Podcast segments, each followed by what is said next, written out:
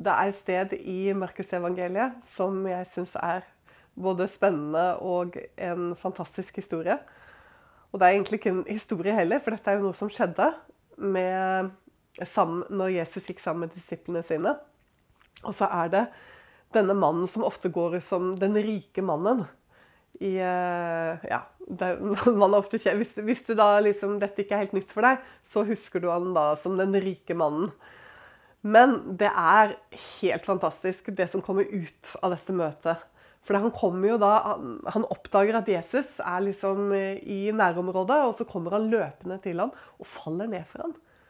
Og sier 'Hva skal jeg gjøre?' Men først så sier han 'Mester', sier han. 'Hva skal jeg gjøre for å få evig liv?' Og, og det svaret som Jesus kommer med, det er eh, da, da, begynner man eh, å lure litt, da. For jeg vil tenke liksom, Hvorfor svarer han på den måten? Han begynner liksom bare å remse opp budene. ikke sant? Uh, liksom, eller Først så sier han 'Hvorfor kaller du meg god?' ikke sant? Det er bare én som er god, og det er Gud. Og så begynner han bare å remse opp budene. Og da sier han at 'Alt dette har jeg holdt', sier han. Han sier det. 'Alt dette har jeg holdt'. Fra min ungdom av, liksom. I årevis. Dette, dette, her, dette kan jeg. Dette holder jeg. Og så ser Jesus på han, står det, og får han kjær. Og så sier han 'ett fattes deg', eller 'det er noe du mangler', liksom. Nei, jeg syns det er fantastisk. Dette. Det er noe du mangler, du òg, liksom. Så sier han 'gå bort og selg alt det du eier, og gi det til de fattige', og så skal du få en skatt i himmelen. Kom så, og følg meg. Og da da si, da, da er det hele over. Fordi, fordi, da er det over. Fordi denne, denne rike mannen Det står da at han, er, han, gikk bedrøvet bort. Han ble skikkelig bedrøvet, for han var, han var veldig rik. Dette, han var en skikkelig steinrik mann. Så, så, det hadde han også kontroll på. Altså, det var liksom ikke måte på hva denne mannen hadde på stell. Ikke bare at han levde liksom helt etter loven og buden, og dette hadde han holdt til liksom helt fra han var ungdom. Og, men han var også en svært velhavende mann. Og han går bare skikkelig deprimert bort. Og så sier Jesus han til disiplene sine, som sikkert står der litt sånn forskrekket av det hele som har skjedd, og så sier han hvor vanskelig det er for en rik å komme inn i Guds rike. Og så sier han at eh, Nei, du, må, nå, nå, må vi bare lese litt her, da. For det er jo litt skummelt hvis det er noe jeg går glipp av. For jeg mener jo å kunne dette her veldig utenat, men det er fort gjort at det er noe viktig man går glipp av. Og man må jo på en måte ikke gå glipp av noen ting av det som er viktig. Han sier disiplene Hvor vanskelig, sier han, sant? det er for de rike å komme inn i Guds rike. Og da blir disiplene skikkelig forferdet over disse ordene. At det er så vanskelig. ikke sant? Og så, men så sier Jesus Så sier han barn, sier han. Og det synes jeg er så fint. Og det er viktig. Han sier det. Han kaller de barn. Det gjør han flere steder. Hvor vanskelig det er for den som setter sin lit til sin rikdom, å komme inn i Guds rike. Så du skjønner, her er det ikke bare pengene han snakker om i forhold til denne mannen. Fordi det, det, er jo i seg selv absurd at han skulle sette sin lit til sin materielle rikdom å komme inn i Guds rike. For der er jo ikke denne mannen. Han er jo en religiøs mann.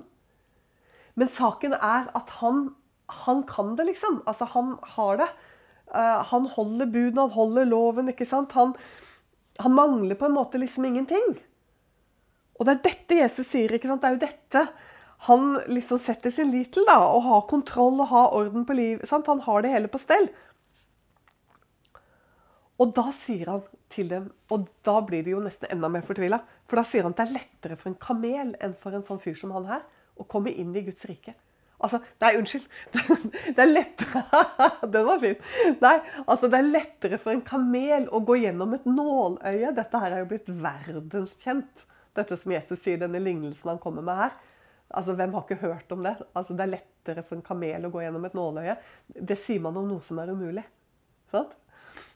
Og så sier han altså at det, det er lettere for kamelen å gå gjennom det nåløyet og komme seg gjennom det, enn det er for eh, en rik å komme inn i Guds rike. La oss bare stoppe litt. Her har det vært noen sånne her eh, litt luftige tolkninger som sier det at det fantes en port i Jerusalem eh, på den tiden som het Nåløyet. Og den var oppe på natta. Sånn at når hovedporten var stengt, så var den oppe. Og, få, og der kunne du få en kamel. Du kunne få slept den igjennom hvis du dro av den alt, alt den hadde på ryggen sant, av last og varer og silke og krydder. og Fikk alt sammen av. Fikk strippa den, liksom. Så den ikke var rik lenger. Så kunne du dra den igjennom. Fikk av alt det. Men altså, da kommer vi jo ut av poenget her. For hvis det var poenget at du bare gikk og solgte alt det du eide, og sånn, ja, da kom du inn i Guds rike, liksom. Sant? Hvis det var poenget, så hadde det vært et poeng at ja, det faktisk fantes en sånn port, og kamelene kom seg gjennom bare de fikk av alle rikdommen. Men, men der, da går vi glipp av poenget. Poenget er nemlig at det er umulig. Det er jo derfor Jesus sier det. Det er umulig for den som setter sin lit til sin rikdom. Og ikke her Jeg tror ikke Jesus først og fremst snakker om materiell rikdom. Men altså sant? Du har alt, men hva skal jeg gjøre for å få evig liv? Sant? Altså, er det noe jeg ytterligere kan gjøre? Han er på feil spor, og han avslører jo for Jesus allerede i åpningen fordi han sier de da skale, hva skal jeg gjøre for å få evig liv? Sånn, gode de da skale. Hva er det du sier nå, Eva? Jo, det er det greske ordet. Det, det fins to greske ord for mester. Det ene er didaskale, det betyr lærer. Gode lærer, sier han. Og det andre er rabuni. Og det er virkelig mester. Det burde ikke vært oversatt mester. Det burde vært lærer. For det er det didaskale er. Og det er det denne fyren sier. Han forstår ikke hvem Jesus er. Det er jo det som er det er, det er jo det som er problemet hans. Han vet ikke hvem han snakker til. Han ser på han som en, som som en lærer, som en rabuni. Eh, den, eh, nå motsier jeg meg selv litt, men altså en rabbi. ikke sant? Han ser på han som en lærer. Han forstår ikke, han har ingen forståelse at han står foran Messias. Han har ingen forståelse at han står foran Guds sønn. sant? Og han, han ser han ikke. Han forstår det ikke. Og det er jo det som er problemet. Det er jo der problemet er. Og, legg merke til kapittel 10. Det er ofte viktig å lese hele kapitler sammen.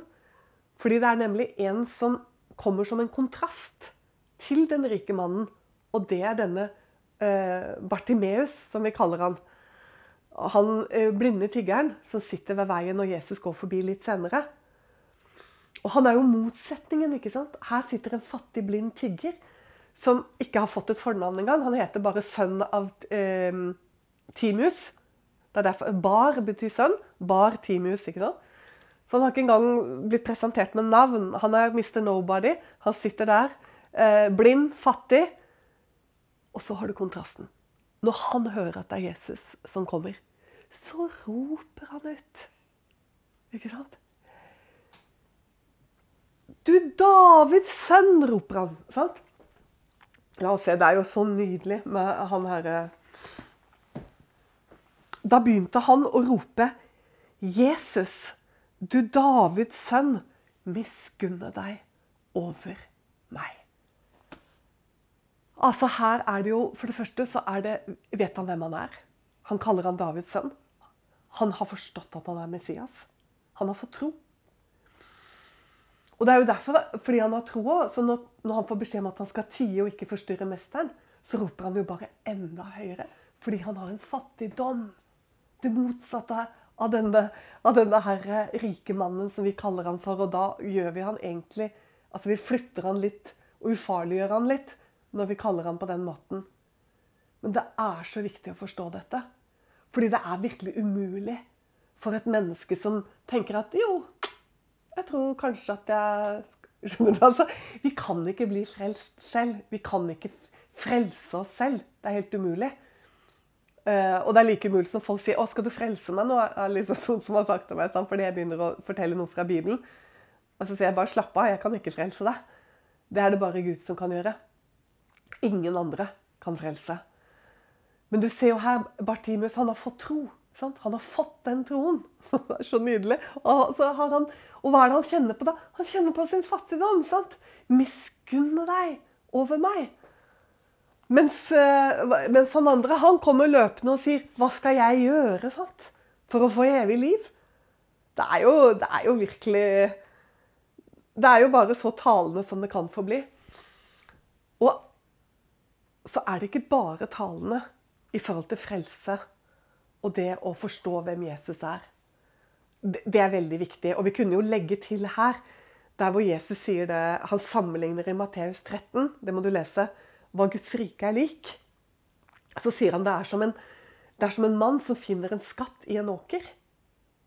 Og så går han bort og, og selger alt, alt, han eier. Og kjøper den åkeren for å få tak i den skatten. Og så sier han at det er også lik en kjøpmann i perler, som finner en perle som er så verdifull at han faktisk selger alt for å kjøpe alle andre perler, alle smykker, for å eie den ene perlen. Og det er jo det det handler om. Altså at du forstår hvem Jesus er. Sånn så når, når, jeg ble frelst, så, så, så var det så he, hele livet tok en helt ny kurs. Og, og, for å bli litt pompøs, da, så kan jeg nesten si det sånn For det står om eh, Moses at han vandret som han så den usynlige. Jeg mener det står i Hebreerbrevet 11 at Moses vandret som han så den usynlige. Selvfølgelig vandret, vandret ikke jeg sånne, eh, på det nivået som Moses vandret. Men prinsippet er det samme. Fordi at eh, du begynner å vandre på en måte som jeg tenker for familien min og folk som står utenfor, var helt ulogisk. Altså, du må jo ikke gjøre det, sant? Men du gjør det. Og du gjør ting fordi du tror med hele deg. Så livet får et helt annet fokus, helt annen retning. Sånn at eh, hvis denne rike mannen tenkte meg selv da, som rike mann, Hadde du skjønt hvem som snakket til deg sant? og sa 'gå bort og selg alt', han hadde solgt det. Fordi han hadde funnet en perle som var Jesus. Guds rike. Kristus. Som var så enorm at selvfølgelig selger jeg alt. Forstår du? Fordi det er han som sa det. Og kom så og følg meg, sa han. Sånn? Og den autoriteten Tenk på Peter og de når de traff han ved Genesaretsjøen. Så sa han jo akkurat det. Følg meg. Og de slapp alt, og de fulgte ham. Fordi det er Gud som talte levende ord inn i deres liv, som gjorde at alt fikk en helt ny retning. Og folk kunne stå på utsiden og se hva er det du gjør, liksom. Plutselig så endrer livet ditt seg. Sånn at det som du så på som veldig viktig, og dette måtte du ha i livet ditt? Og, og sånn, og det var stort, og det var flott Så blir det nesten sånn ja, Litt sånn voldsomt sagt, da, men litt sånn som skrap, da. Fordi at du har funnet en perle, og du har funnet en skatt i en åker. Sant? Og da frykter du ikke. Da går du som du så den usynlige. Du frykter ikke Da ville du handlet helt annerledes enn den rike mannen. Du ville solgt alt. Fordi at det å gå med denne rabbuni, Messias, Guds levende sønn sant? Ingenting kan måle seg med det. Altså, du kan ikke bli rikere. det er ingen rikdom i verden som kan måle seg med den rikdommen å kjenne Jesus Kristus. Sant? Dette er det evige liv, står det. At vi kjenner Gud Fader.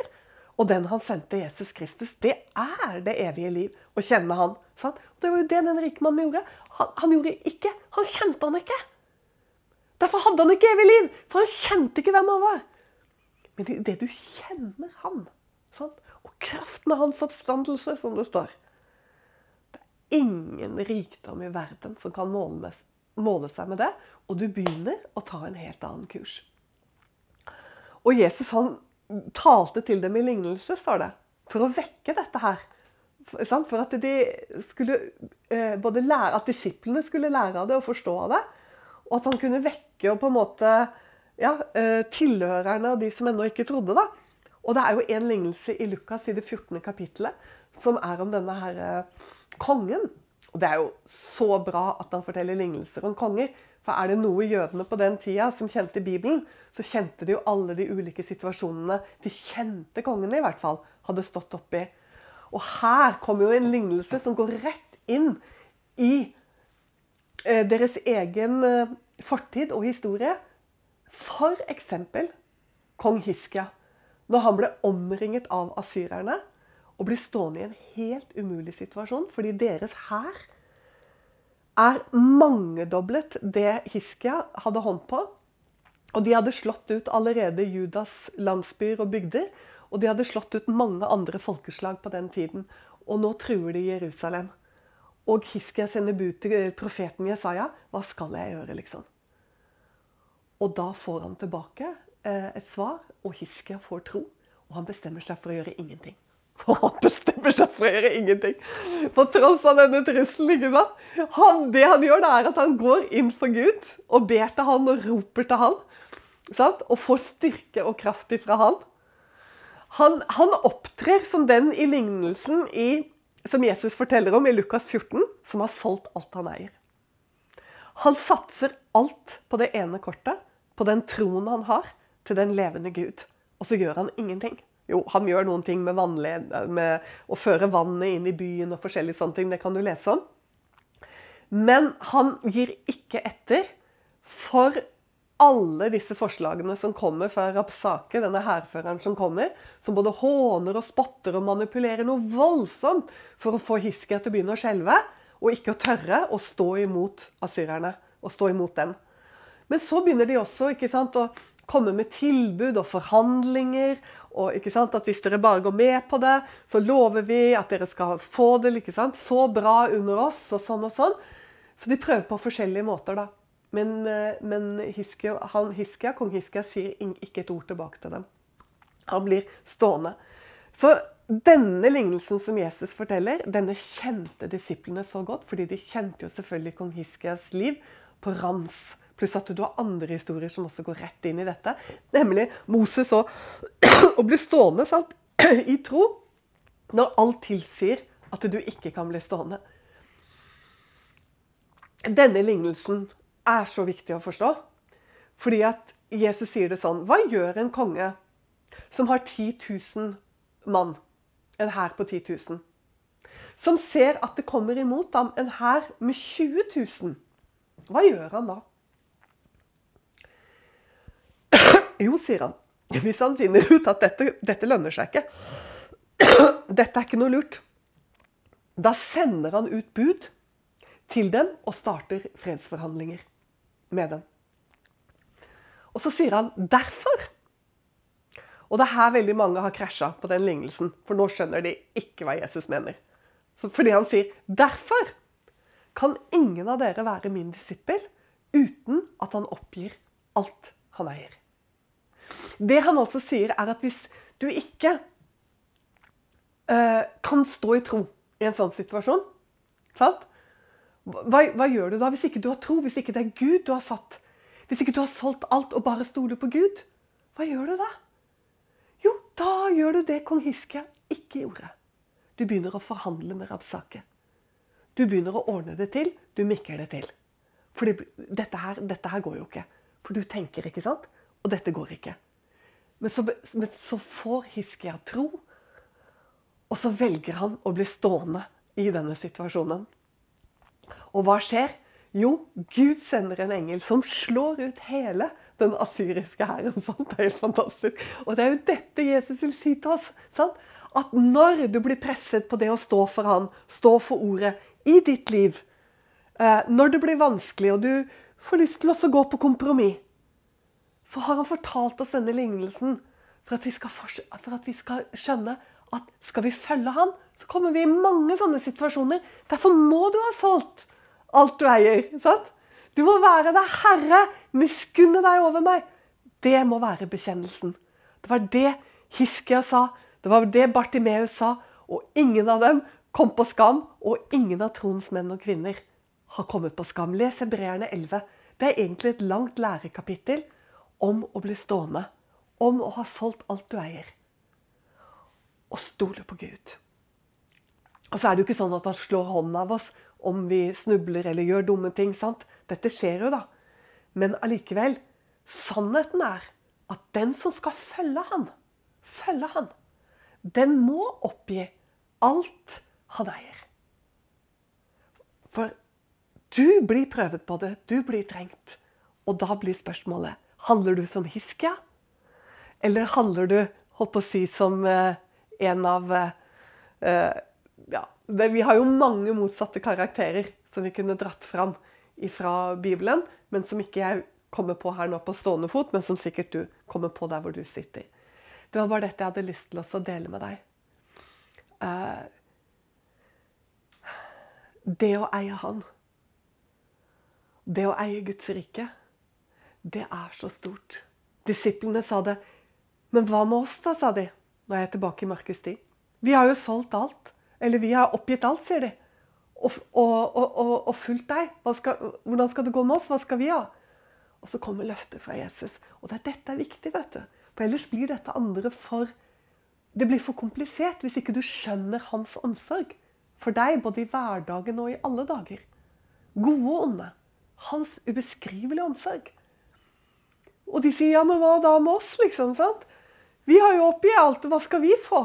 Så sier Jesus det. Ingen har forlatt far eller mor eller barn eller søsken. Nå husker jeg ikke akkurat alt, men du må lese det i Markus 10. Uten sant? at de skal få igjen det. La oss lese det sånn som det står. Jeg tror at det er litt bra å gjøre det. For de sier det er ingen som har forlatt hus eller brødre eller søstre eller mor eller far eller barn eller åkre. Det betyr da inntekt, ikke sant? Jobben din. For min skyld og for evangeliets skyld. Uten at han skal få hundrefold igjen. Hører du? Dette er løftet. Hundrefold igjen. Nå her i tiden. Altså ikke bare lønnen der hjemme, men nå her i tiden, sier han. Hus og brødre og søstre og mødre og barn. Eh, og eh, at du skal ha en inntekt. ikke sant? Åkrer høres litt spesielt ut for oss, vi er jo ikke bønder alle sammen. Under forfølgelse, sier han. sant? At forfølgelser er der, og de må være der hele tiden. Under forfølgelsen og i den kommende verden evig liv. For en utrolig trøst. Samme som gjaldt for kongen, samme, både i lignelsen og kong Hiskia. Og, og alle som oppgir alt de eier, og stoler på han, og vil stå med han, stå ved dette ordet. Fordi jeg vet at jeg har en sånn rikdom. Ufattelig rikdom som gjør at jeg kan ta helt andre valg enn verden ville tatt. Og som noen ganger kan få noen til å undres. liksom, 'Guri, gjør du det?' liksom, sant? Men jeg gjør det jo ikke fordi liksom, man er der oppe, men fordi man har lært å stole på Gud. Som har en sånn omsorg. Og som her, svart på hvitt, blir gitt oss som et løfte. At om du skulle miste til og med kontakt med Si at familien din da, plutselig, eller noen i familien din ikke vil ha kontakt med deg fordi du er en kristen, og fordi du står for disse tingene som vi gjør når vi er kristne.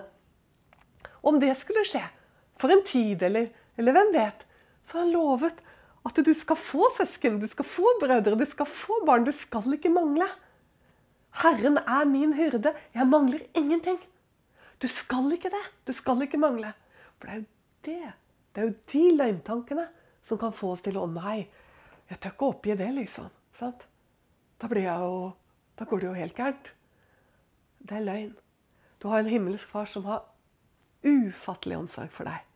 Og han har gitt deg disse løftene. At du skal ha et hjem, du skal ha familie, du skal ha, du skal ha venner, du skal ha inntekt. ikke sant? Under forfølgelser her i denne verden og i den kommende verden evig liv. Hva? Er det noe som er større? Går det an å ha et bedre liv? Nei, det er helt umulig. Så, dette var bare noen oppmuntringsord fra meg til deg som følger Jesus. Du som er en kristen. Og som alltid så vil jeg avslutte med å si Gud velsigne deg. Stå med oss økonomisk og i bønn. Du finner oss på utentvil.com.